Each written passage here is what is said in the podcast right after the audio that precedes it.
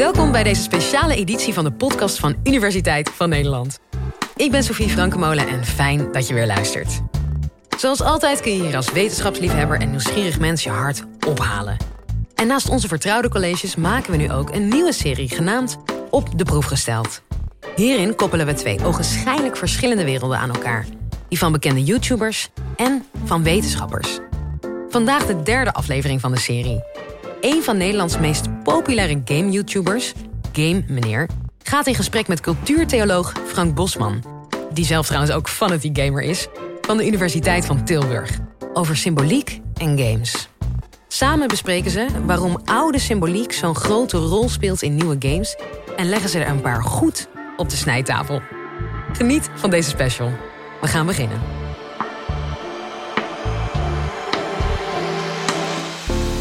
Hey Frank. Hey, game meneer. Hey, hoe is het met je? Ja, lekker. Het is een beetje, een beetje koud. Hè? Ik op de motor hierheen Beetje gekomen. druilerige Eh, dag wel. Druilerige, ongezellige dag. Een beetje mist en een beetje regen en een beetje... eh. Dus ik was blij dat ik, eh, dat ik hier met jou kan zitten. Dan is het dag nog een beetje leuk. Ja, want vandaag zijn we bijeengekomen om het over een heel zonnig onderwerp te hebben. Heel blij onderwerp Ja, ja, ja. Er is een vraag wat ik heb. En dat Mm. is waarom zit er religie in games? Ik heb zelf een idee. Hm?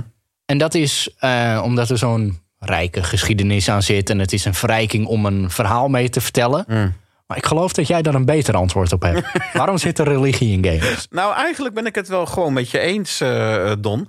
Namelijk dat eh, hè, als wij verhalen aan elkaar willen vertellen... games zijn verhalen, films, boeken, allemaal verhalen. Als we elkaar verhalen willen vertellen... maken we onbewust gebruik van ons collectief geheugen. Zeg maar wat wij in de afgelopen 2000 jaar... allemaal aan boeken en andere mooie shit verzameld hebben.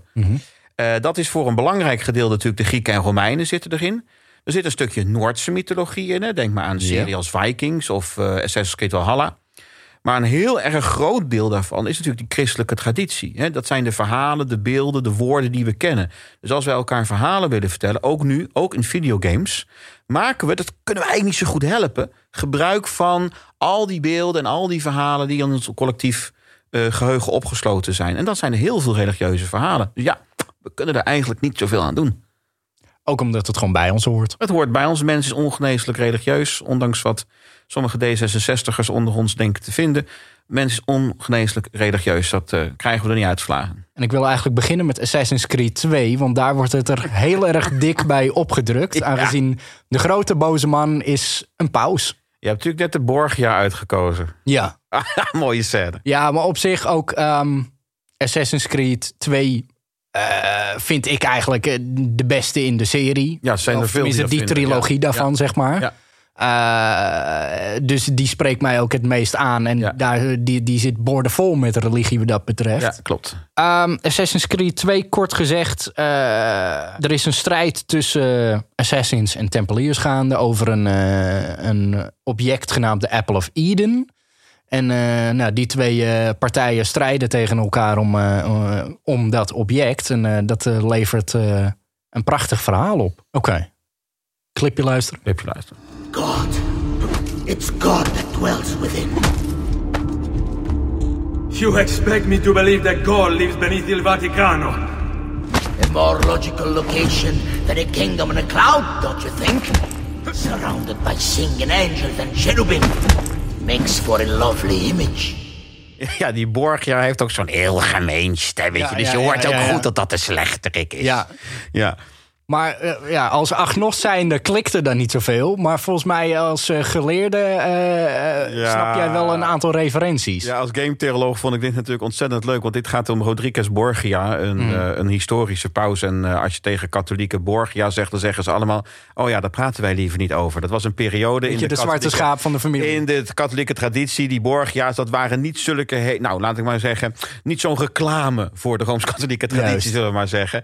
En ik vind het dan wel heel grappig dat, je, dat ik dan als Rooms-Katholieke game-theoloog... dan vervolgens die, die paus, waar we het met z'n allen niet zo op hebben... dan, dan kan vermoorden. Ja. Dat vinden we heel erg, vind ik wel heel erg interessant. En hij zegt ook, eh, die Borgia-paus tegen eh, Ezio, hè, de held van het, Mhm. eh, van het verhaal...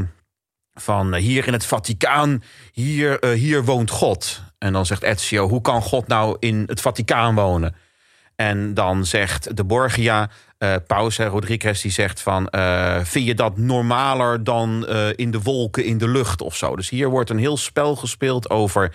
zeg maar hoe christenen normaal gesproken God en de hemel en dergelijke voorstellen. En die Borgia-paus zet daar tegenover... zeg maar de ware werkelijkheid, namelijk dat God in zo'n Apple of Eden zit... en dat de goden die wij aanbidden eigenlijk de lang uitgestorven, super geavanceerde issue-beschaving is. hè, die collectief omgekomen zijn eh, in een grote ramp. En wij zitten zeg maar met de vage herinnering van, van, van eh, die mensen. En dat noemen wij nu religie. Hè, dus wat wij religie noemen, dat zou eigenlijk een herinnering zijn van aliens of whatever. Hè? Dus gewoon iets technologisch, iets immanent, iets van deze wereld. Er bestaat niet een transcendente werkelijkheid. Er bestaat niet een, een afterlife. Het is allemaal gewoon materie. Het is gewoon allemaal dingen die je kan aanraken. Een soort godsdienstkritiek. Oké. Dus eh, eh, kritiek, va- vat jij dan bijvoorbeeld het verhaal van Assassin's Creed ook een beetje als kritiek op? Of is het. Ja, ja ik een heb, fictioneel eh, verhaal. Ik heb, eh, het is de hele, het hele metanarratief van de Assassin's Creed-serie. Dus van Assassin's Creed 1 tot en met vorig jaar uitgekomen Assassin's Creed Valhalla. Is eigenlijk, het metaverhaal daarvan is eigenlijk één grote godsdienstkritiek. En Assassin's Creed gemaakt door Ubisoft, hè, Canada. En eh, eigenlijk zegt Assassin's Creed dat gelovigen het op zich niet slecht bedoelen. Maar ze hebben heel erg niet in de gaten hoe het echt zit. Dus de, hè, de kritiek die daar in de serie wordt neergelegd is... gelovigen snappen niet hoe de werkelijkheid echt in elkaar zit. Gelovigen zijn dromers, die geloven in fantasie... Die zijn, die zijn eh, bedwelmd. Hè. Denk, denk maar aan Karl Marx. Hè. Dus eh, religie als opium voor het volk. Die zijn, die zijn bedwelmd. Dus je ziet eigenlijk dat het hele christelijke verhaal... door die Assassin's Creed-serie op zijn kop gezet wordt. Oké. En alles wat wij denken, wij zeg maar even christelijk Europa, wat wij denken dat te maken heeft met God en met het heilige en met het transcendente, daarvan zegt Assassin's Creed nee hoor, heeft gewoon te maken met hele geavanceerde techniek die niemand als zodanig meer herkent. Oké. Nou, vind ik wel een redelijke kritiek. Ja, dat is, eh, dat, is wel, Ja, eh, dat is wel een prikkertje. Dat is wel een prik. Maar jij zal het toch ook wel hebben, Don, als, je, als dat je games zit te spelen. Misschien heb je ook een leuk voorbeeld nog wel. Maar jij, jij komt ook aan de lopende band kritiek tegen. En, en religie in, in games tegen. Ehm, nou ja, kijk, af en toe valt het niet op. Zeg maar, religie was niet zeg maar het hoofdpunt wat ik dan bijvoorbeeld uit eh, Assassin's Creed haalde. Eh, eh, omdat ik daar ook niet zozeer achterna zit te zoeken of zoiets. En dat heeft misschien ook te maken met het feit dat ik niet religieus ben. Eh, dat ik daar niet zozeer een verband of een, een connectie mee voel, zeg maar. Maar er zijn bijvoorbeeld ook bij. God, hoe heet die ook alweer? Ehm, eh, eh, Bioshock Infinite. Bioshock Infinite. is ja, het de, ja, de ja. intro van het spel. Word je gedoopt en dan pas mag je verder eigenlijk het spel. Ja, dat was je dan wel opgevallen. Ja. je wordt er bijzonder hard mee geconfronteerd. Je, je moet namelijk Het was ja best in zeggen. your face, Ja, ja, ja. Misschien kunnen we daar eh, nog een fragmentje van zal eh, vast een fragmentje horen. van zijn. Leuk. If the prophet had just railed against the Sodom beneath us, but not accepted the three golden gifts of the founders, it would have been enough. If the prophet had just accepted the three golden gifts of the founders and not prayed for our deliverance, it would have been enough. Nou, kan je misschien voor de luisteraars... Ik kan me voorstellen dat er misschien één luisteraar is... die Bioshock Infinite niet op zijn netvlies eh, gebrand heeft. Onterecht. Kan je even herhalen wat het over ging? Ja, goh, eh, het is eh, wel een aanrader om die dan Ja, sowieso zeker. even te doen. Ja. Ehm, van wat ik mij kan herinneren, nou, je, begint oorspronkelijk in een roeibootje, je vaart richting een, een, een, wat is het, een, een tor- Vuurtoren. Vuurtoren. Ja. En uiteindelijk eh, dwel je in de wereld van eh, Bioshock Infinite, waardoor je door een stroom van water heen loopt. En dan kom je uiteindelijk een, een set gelovigen tegen. En dus één, ik zou zeggen, priester, ja, dominee. dominee-achtige. Preacher Whitting. Ja, en die zit een heel mooi verhaal te vertellen. En op een gegeven moment loop je naar hem toe om gedoopt te worden.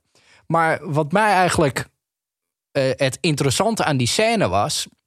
Je wordt gedoopt en weer omhoog gehaald. En op een gegeven moment zegt hij van... Ah, je bent nog niet schoon genoeg. En dan wordt hij nog een keer... Dan om- wordt hij nog een keer gedompeld. Wa- Ja. Wat, houdt dat in? Nou ja, hij wordt bijna verzopen, hè? Want Ja. eh, je ziet het scherm zwart worden. Dus dat, hij is in ieder geval bewusteloos, misschien ook dood. Dan krijg je een soort eh, rare droom te zien. Even niet verklappen, hè, anders spoilen we de hele, de, he- de hele game. En dan word je wakker in eh, Colombia, in, de, Ja. in de, de city, in de sky waar je uiteindelijk moet zijn.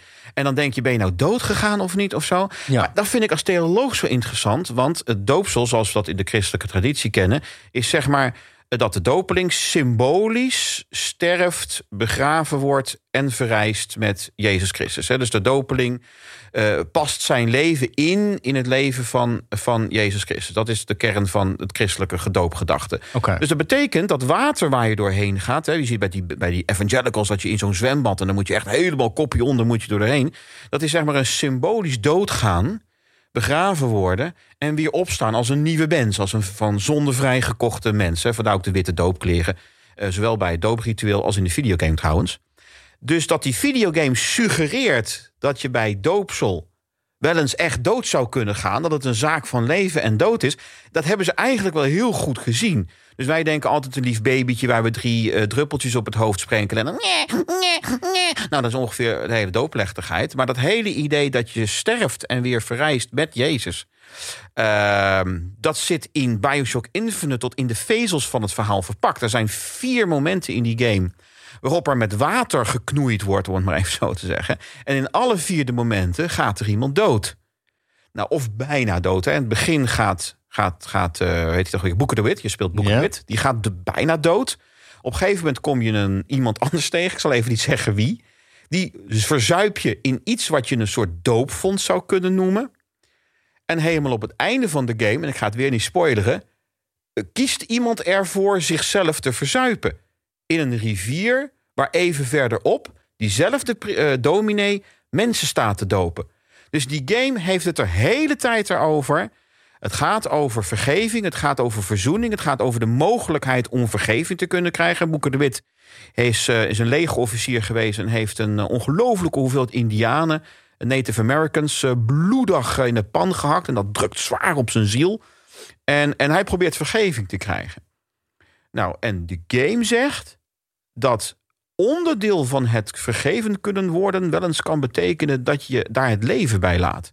Een hele radicale theologie die achter die game. Oké. Schitterend. Is het eh, dan bewijzen van ook een soort van.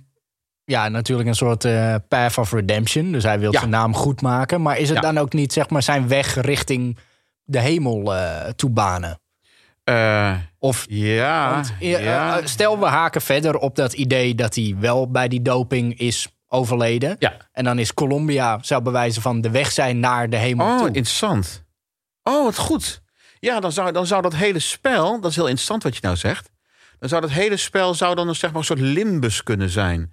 ja, een soort die- obstakel. Waarin die kan proberen voor de laatste keer om datgene wat hij fout gedaan heeft weer goed te maken. Ja. Een soort last chance of iets dergelijks. Dus dat hij, dat hij eigenlijk Oh, nog ja. midden in die doping zit. En dat hij daarin blijft tot en met het einde. Want dan komt hij weer bij een Ja, doop want dan uit. is hij herrezen, zeg maar. Hmm, we gaan herrezen uit het water van de Jordaan. Ja. Om even een bijbeltekst tegenaan te gooien. Ik vind dat jij dat goed gezien hebt, eh, Don. Ja, maar Ja. dat is een, een mogelijkheid. Maar dat is heel erg ver eh, eh, eh, op het verhaal Ja, maar ik vind, ik vind het juist zo interessant dat je dus zo'n videogame kan hebben. En dat je er juist verschillende interpretaties van kan Juist. hebben. Hè? Want kijk, bij een film en een boek. Dan zit je altijd te kijken hoe iemand anders het doet. Nee, Harry Potter, nee, je moet niet naar die ketel toe. Maar Harry Potter gaat gewoon wel of niet naar die ketel toe. Daar kan Juist. je niks aan doen. Hè? Maar als je in een videogame zit, ja, dan ben jij degene die beslist wat er gebeurt. Dus, Mhm. al, dus, dus je hebt zeg maar, je voelt je moreel en emotioneel verbonden aan het verhaal. Daarom vind ik videogames altijd zo eh, Zeker, fantastisch als, als, als verhalenvertelmedium. zeker. Tenzij ze geen andere optie toelaten, want anders kan je Colombia niet binnenkomen. Ja, dat is een beetje naar, hè? Ja. Kijk, en dan kan, en dan, Of ja, dat is de illusie ja, van keuze. dat denk ik. Juist. Want ik weet niet of jij de Stanley Parable eh, ja, kent. oh, ja. Oh, nou wil jij heel even, daar ga ik er iets leuks over vertellen. Oké, wil jij even ehm, aan, de, aan, de, aan de kijkertjes slash luisteraartjes vertellen wat er zo leuk aan is? Oké, de Stanley Parable. je, eh, het idee is dat je, je bent een kantoormedewerker. En volgens mij is het op een gegeven moment aan het einde van je werkdag. Je, je wilt naar huis toe gaan. eh, en je merkt dat er niemand anders meer in het gebouw is. En je probeert eigenlijk je weg uit het gebouw te banen. Dat wilt niet helemaal lukken. Nee. En op een gegeven moment, eh, de, de, de, de narrator, iemand eh, via een speaker of wat dan ook, die zit eh, je eigenlijk een beetje mee te dollen. Ehm, en uiteindelijk, eh, eh, ja, oh, eh, qua verhaal, er zit niet een heel diepgaand verhaal in, heb ik het idee. Nee, nee, dat klopt eigenlijk wat je zegt. Je hebt een soort, een soort narrator en die zegt dan... eh, die vertelt wat je doet. Hè? Dus dan, dan sta je bijvoorbeeld op en dan loop je... Hè? Stanley loopt dan het eh, kantoor uit. En dan zegt de narrator... Stanley uh, went off from his office to seek for his coworkers. Dus eerst denk je, oké, kennelijk wat ik doe... wordt kennelijk verteld door de, door de verteller. En dan krijg je twee deuren. En dan zegt de verteller... Stanley uh, went to the right door. En als je dan de right door ingaat, dan zegt hij... Stanley was always very good at obeying orders. Dus dan wordt bevestigd wat doet. Ga je de linkerdeur in, dan zegt hij... Stanley was even too stupid to understand a simple basic instruction. En wat je ook in die game doet... uiteindelijk blijkt alles al vast te liggen. Ehm, dat is ook het werk wat Stanley moet doen. Hè? Stanley zit voor een computerscherm... en dan krijgt hij een letter op het scherm te zien... Een A of een B. Ja. En die moet hij dan intikken op zijn toetsenbord. Dat is Juist. een hele taak. Maar dat is natuurlijk feitelijk wat een speler doet. Een spel vertelt aan de speler: je moet hier overheen springen. Je moet dit vijandje vermoorden. Je moet 100 goudstukken vinden. Whatever. Dus mensen die computerspel aan het spelen zijn, zijn eigenlijk net als Stanley. Die Ja. doen stom tussen haakjes wat ze gezegd wordt te doen. Juist. Dus die hele game gaat eigenlijk over: bestaat vrijheid eigenlijk wel? Vrijheid binnen een computerspel? Of zijn we gedwongen te doen wat de programmeur ons opgedragen heeft? En eigenlijk in ons hele leven, hoe vrij zijn wij eigenlijk Juist. om te doen wat we willen? Daarom is het zo'n fantastische game. En dat komt dus ook weer terug in, in, in eh, de Bioshock doopscène. Hebben we een keus? Eigenlijk niet. Nee. Schitterende spel. Dus mensen zitten te luisteren. Het kost geen drol meer tegenwoordig op Steam. Lekker downloaden. Zeker. Even over een, een we- wellicht wat toegankelijkere game die waarschijnlijk iedereen wel een beetje kent. The Sims.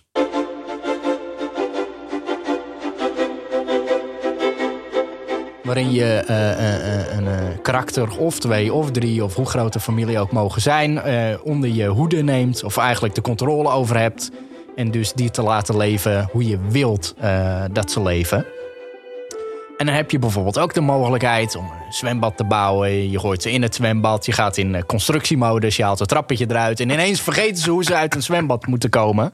En dan komt bijvoorbeeld de magrijn om de hoek kijken. Ja. Dus, eh, wat, wat, eh, zit daar een religieus dingetje achter? Magrijn heeft volgens mij wel iets religieus. Ja, dat is het Engels des doods, hè, zou je dat kunnen noemen. Die komt in Exodus bijvoorbeeld wel, wel voor. Het leukste is, de sim is een zogenaamde god game. Juist. Eh, dat is een genre van... eh, eh, je kan rollercoasters maken, theme parks maken. Frostpunk is ook een... Ja, eigenlijk een- waarbij je vanuit een, de hemel zo gezegd kijkt, is Ja. een gold game. een, een panopticon. Hè? Dus je kijkt vanaf boven naar beneden... en je ziet de hele wereld en niks blijft er voor jou verborgen. Juist. En jij kan in die wereld interveneren. Of juist de hele boel gewoon zijn gang laten Mhm. gaan, al dan niet goed. Dus dat is zeg maar dat die zo'n game positioneert jou als speler niet als een avatar in de game, wat je normaal gesproken hebt. En dan ben je een character in het, in het game. Mhm. Maar hier ben je zeg maar een soort regisseur. Die onzichtbaar, meestal onzichtbaar voor alles en iedereen, mag bepalen, mag aan de knoppen van een samenleving mag zetten. Dat wordt een God game genoemd. Dus ja, ook in The Sims zit een religieus-theologisch aspect. Wat ik ook nog een interessante game vond, Far Cry 3 was een goede game. En toen kwam Far Cry 4 Ja. En daar zat een, eh, hoe zeggen we dat? Een, pri- een, een eigen benoemde priester in. Ja, een soort eh, zichzelf eh, tot priester gewijde, nou toch wel licht gekke meneer, mag ik het zo zeggen tegen elkaar? Mm, Ik accepteer hem. Nou, Longinus heet hij, hè? Dat is een wapenhandelaar. En Ja. die wil het, jij moet als held van het verzet moet je wapens zien te regelen. Mhm. eh, in, in Far Cry. En dan kom je die man tegen, Longinus tegen. En die heeft eh, allerlei wapens in zijn schuurtje. Maar tegelijkertijd is die voortdurend de Bijbel aan het citeren. Volgens mij hebben we daar ook een leuk fragmentje van. You are AJ. Welcome to my church. Away from church. That sells guns? Of course. For the meek shall inherit the earth, my friend. All they need are some good guns. Revelation 5 5. It is the most invigorating read. And one of the elders saith unto me, Weep not. Behold, the lion of the tribe of Judah, the root of David, hath prevailed to open the book and loose the seven seals thereof. Wat je dus hier hoort is, eh, zijn twee dingen. Hè? Dus die man heet Longinus. En Longinus is de traditionele naam die in de christelijke traditie gegeven is... voor de naamloze soldaat uit het evangelie van het Johannes... die Jezus vlak na zijn sterven aan het kruis nog even met een speer in zijn borst gestoken heeft. Hè? En Juist. water en bloed kwam er uit zijn zij. Dat is een beroemde passage uit het Johannes-evangelie. En die man heeft in de traditie de naam Longinus gekregen. En die speer waarmee die Jezus heeft gestoken... is de lans van het lot gaan heten. De Spear of Destiny. Of, eh, of de Holy Lance. En er is een hele traditie, voornamelijk eh, in, in, eh, in thrillerromans... waarin wordt gesuggereerd dat elke grote dictator... die ooit succes gehad heeft, dat ding gehad heeft. Hitler, Karel de Grote... de Amerikaanse president in de Tweede Wereldoorlog. hè, dus, dus dat heel bijzonder. En dit is dus ook diezelfde Longinus. Tegelijkertijd zit er ook weer religiekritiek in. Want wat hier gedaan wordt, hier worden bijbelpassages voorgelezen. Revelation 55 geworden, nee. Ja, en we weten allemaal, het boek Openbaring is nogal een eh, heftig, gewelddadig boek. Gaat over christenvervolgingen. Eh, maar er staan natuurlijk wel een paar eh, militaristische versen in. En die citeert hij. En daarmee maakt, kan hij het eigenlijk theologisch verkopen dat hij wapens levert. Want normaal gesproken zou je zeggen, nou, het verhaal van Jezus... Enerzijds, het verkopen van wapens anderzijds. Misschien past dat niet zo lekker op elkaar. Maar tegelijkertijd zien we natuurlijk dat in 2000 jaar christendom... de christenen maar al te vaak met de Bijbel in de hand eh, geweld hebben gebruikt... of geweld hebben gesanctioneerd. En, en dat Longinus nu Bijbelpassages out of context citeert... om wapens te verkopen, is ook weer een vorm van religiekritiek. Waarin eigenlijk de makers, weer Ubisoft trouwens... goede, Ja, goede company, kan er niks aan doen... eh, krijgt veel kritiek, maar niet te min. Ik vind ze erg goed. eh, een, een, een commentaar geeft op, op, op, op geweld en religie. En, en ik vind dat heel mooi dat dat daarin zit. Ja, want ik, ik vind het aan de ene kant ook een beetje ironisch om dan zeg maar de naam Longinus te adopteren. Terwijl dat gekoppeld staat aan de persoon die Ja. Jezus aan het kruis Ja. nog even een prikje na heeft gegeven. Ja, ja, ja, ik weet ook niet of het zeg maar PR-technisch de allerinteressantste naam voor hem was. Maar voor ons kijkertjes is het natuurlijk wel heel leuk. Want door die Longinus heb je gelijk een referentie aan die 2000 jaar lange traditie over Juist. die speerdrager.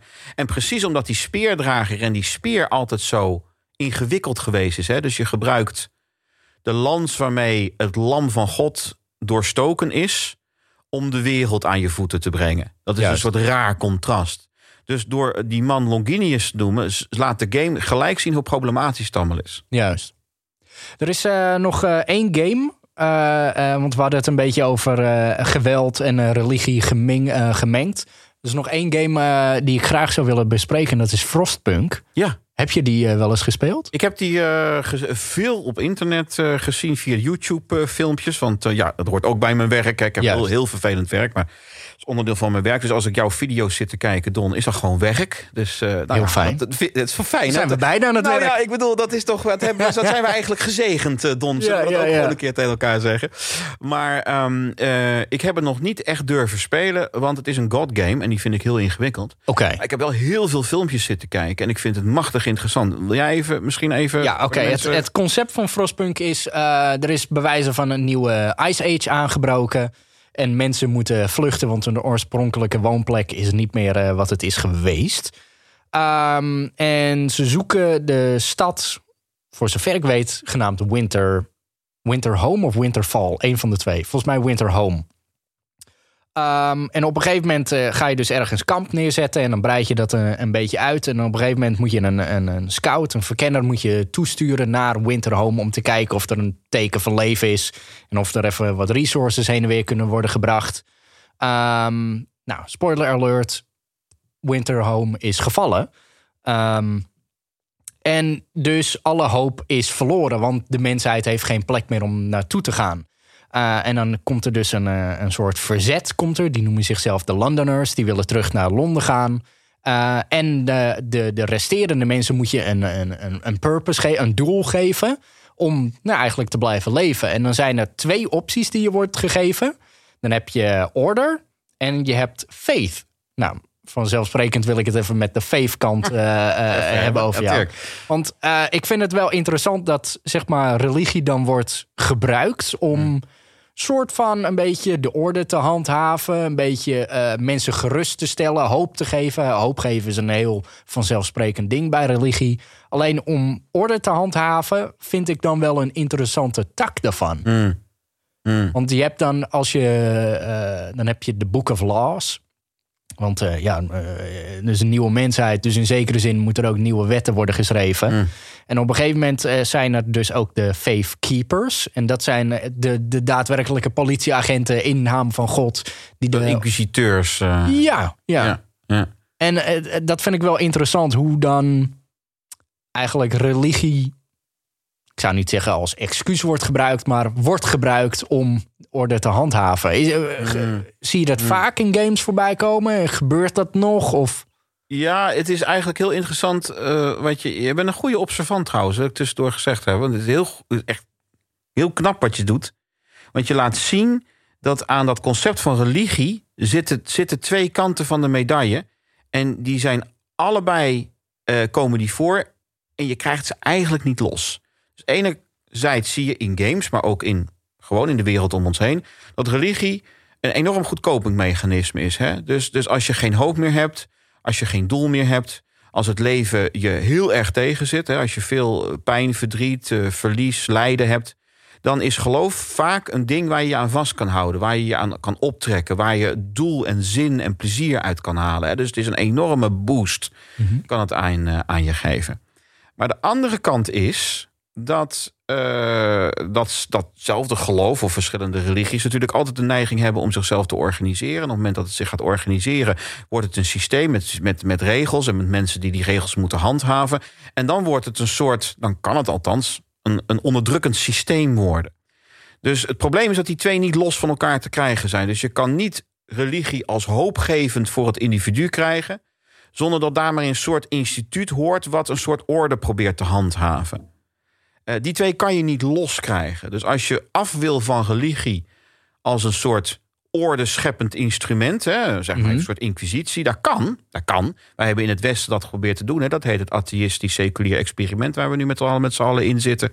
Dat kan. Maar het nadeel daarvan is, is dat je dus ook dat geloof verliest als hoopgevend perspectief. En wat ik dan zo knap in die game vind, is de, en, en van jouw analyse, is dat je dan laat zien dat die twee zo met, nauw met elkaar ver- eh, ver- verweven zijn.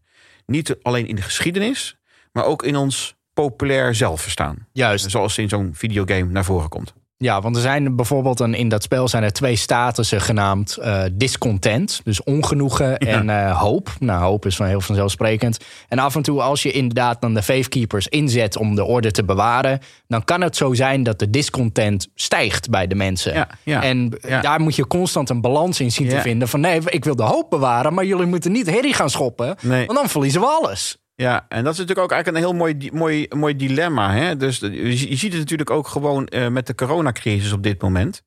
Dus enerzijds eh, zegt de regering... ehm, eh, we moeten orde hebben, we moeten regels hebben... we moeten een avondklok hebben, want dat is goed voor ons. Daarom komen we als land door de crisis heen. Maar ja, als je dat te hard doet... dan gaan er een hele hoop mensen heel boos worden. Die gaan protesteren op het Malieveld... en dan worden ze gearresteerd en weet ik veel. En dan gaan ze met tractoren rijden en zo weet ik veel allemaal. Dus dat moet je dan ook niet meer hebben... want daar krijg je weer, eh, krijg je weer eh, chaos van. Ja. En zo zit je in een soort eeuwige cirkel... dat mensen en veiligheid willen... en vrijheid willen hebben. Ja. En, zo, en jij als Frostpunk stadbouwer, dat- ja, dat is een woord, Scrabble, ehm, moet voortdurend kiezen tussen: moet ik ze nou vrijheid geven, ja. dat ze zelf mogen doen wat ze willen, of moet ik ze veiligheid geven? Als ik ze vrij laat, wordt het onveilig. Als ik ze veilig hou, wordt het onvrij. Dus hier zie je ook heel knap een soort politiek dilemma naar voren komen... die elke regering heeft, ook de onze. Hoe om te gaan met een volk wat en beveiligd wil zijn... maar tegelijkertijd alle vrijheid wil hebben om zelf te doen wat het wil. En die twee gaan niet samen. Klopt. En ik vond het een hartstikke mooi gesprek. Onze tijd zit er wel weer op. Ik vind het te kort. Ik vind het ook te kort. Ik vind het te kort. Ik wil het on record hebben, het is te kort. Maar ik vond het heel fijn om eh, bij jou eh, aanwezig te zijn. Ik vond het een heel leuk gesprek. Dank voor je uitnodiging. Insgelijks. Vond je dit een leuke en leerzame aflevering? Dat komt goed uit, want onze playlist staat vol met andere interessante wetenschapsvragen. En er komen er elke week twee bij. We vinden het superleuk als je je abonneert en als je een reactie achterlaat in jouw podcast-app. Mijn naam is Sophie Frankemolen. Dankjewel voor het luisteren en heel graag tot de volgende.